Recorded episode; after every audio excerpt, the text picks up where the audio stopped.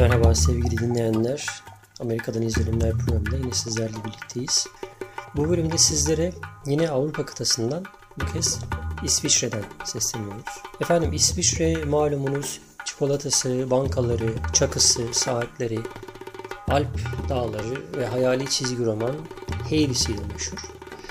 Bu unsurları da ülke tanıtımında oldukça etkin bir biçimde kullanmışlar. Örneğin biz havaalanına girdiğimizde havaalanındaki bir terminalden diğer termine taşıyan tramvayın içerisinde meleyen kuzu sesleri, işte mörleyen inek sesleri e, bunlar bir nevi Heidi'nin yaşadığı atmosferi size hissettirmeye çalışıyordu.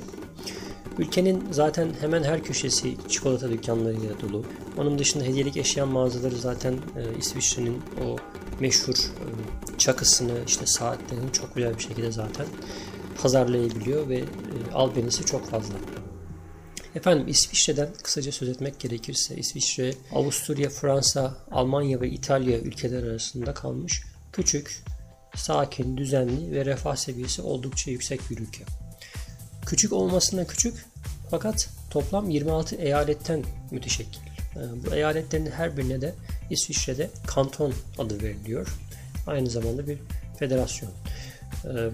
Esas adı Confederation Helvetica diye geçiyor. Artık bilmiyorum bu nasıl söyleniyor fakat kısaltmaları CH diye geçiyor. Uluslararası internet kısaltması da nokta .ch şeklinde zaten. Bu eyaletlerin her biri aslında bir nevi şehir büyüklüğünde. Her eyaletin belli bir merkezi var ve kendi içlerinde bir hükümet e, yönetiliyor. Bunun biraz da aslında tarihi bir boyutu var. Bu eyaletlerin her biri sanki böyle e, eski zamanlardaki bir derebeylik. Onlar bir araya gelip sanki bir ülke oluşturmuşlar gibi de denilebilir aslında.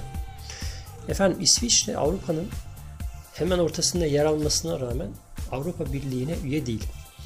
Bu yüzden e, Avrupa Birliği para birimi Euro burada kullanılmıyor. Fakat yoğunlukla çoğu yerlerde Euro kabul edilebiliyor. Kendi para birimlerinin ismi İsviçre frankı. Ee, Euro'ya göre para değeri biraz daha düşük olsa da dolar karşısında değeri yüksek. Avrupa Birliği üyesi değil demiştik fakat aynı zamanda Schengen e, denen Avrupa ülkeleri arası vizesiz geçiş sistemine dahil. Dolayısıyla e, İsviçre'ye giriş yapan bir ziyaretçi rahatlıkla diğer ülkelere de geçiş yapabiliyor. Yine araç plakaları Avrupa Birliği standartlarında değil. Plakaların ilk iki harfi e, aracın hangi eyalete ait olduğunu gösteriyor. İsviçre'de konuşulan dört resmi dil var. Bunlar Almanca, Fransızca, İtalyanca ve Roman dili. Bu Roman dili çok ilginç. E, bir nevi Latince'ye benzeyen yani kökleri Latince'ye kadar giden bir dil. Çok az insan tarafından konuşuluyor. Neredeyse unutulmaya yüz tutmuş bir dil. Fakat yoğunluk Almanca ve Fransızca'da hatta Almanca daha fazla konuşulan bir dil. Radyo ve televizyon yayınlarının çoğu Almanca ve Fransızca dilinde yayın yapıyor. Bunun dışında yine yol tabelaları da bu dillere göre seslenmiş. Örneğin e, Almanca konuşulan şehirlerde yol tabelaları sadece Almanca'da, Fransızca konuşulan bir vilayete, işte bir eyalete girdiğiniz zaman bu sefer e, yol tabelaları Fransızca'ya dönüşüyor. Efendim sizlere İsviçre'de gezdiğimiz 3 şehirden söz etmek istiyorum sırasıyla. İlk olarak Zürih, İsviçre'nin en e, bilinen şehri. Zürih yine e, İsviçre'nin geneline benzer bir şekilde sakin, düzenli ve temiz bir şehir. Toplu taşıma araçları gayet modern. Şehir merkezinde bir sessizlik ve düzen hakim.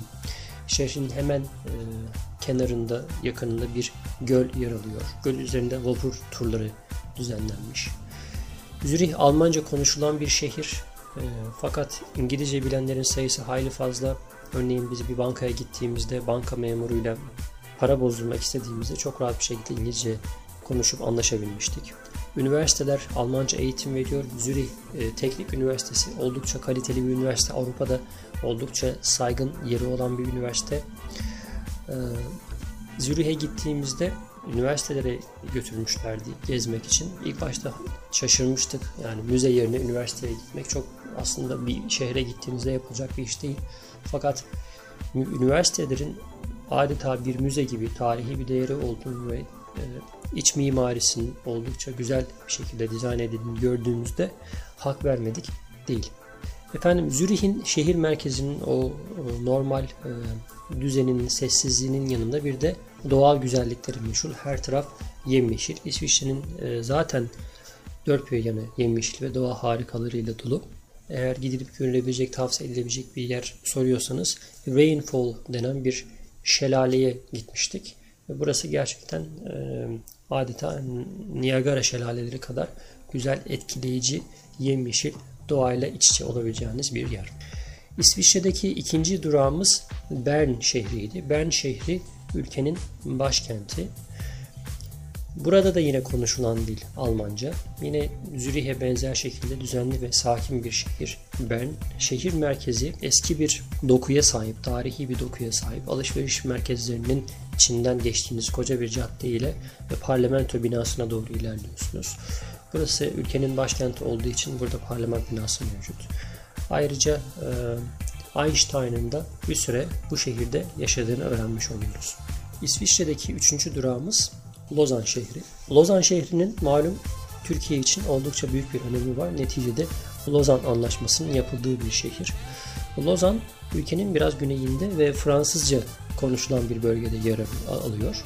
Hemen kıyısında Ceneva Gölü yer alıyor ve bu gölün hemen karşısından Fransa topraklarını görmeniz mümkün.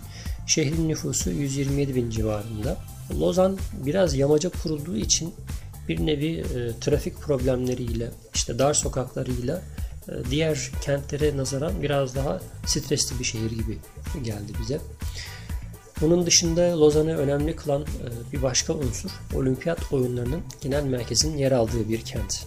O gölün hemen kıyısında bu e, merkez aynı zamanda bir müzeye de sahip. Girip gidenlere olimpiyatlarla alakalı e, çok güzel bir deneyim yaşatabiliyor. Evet, İsviçre izlenimlerimiz bunlardan ibaret. Bir sonraki programda sizlerle görüşmek dileğiyle. Şimdilik hoşçakalın.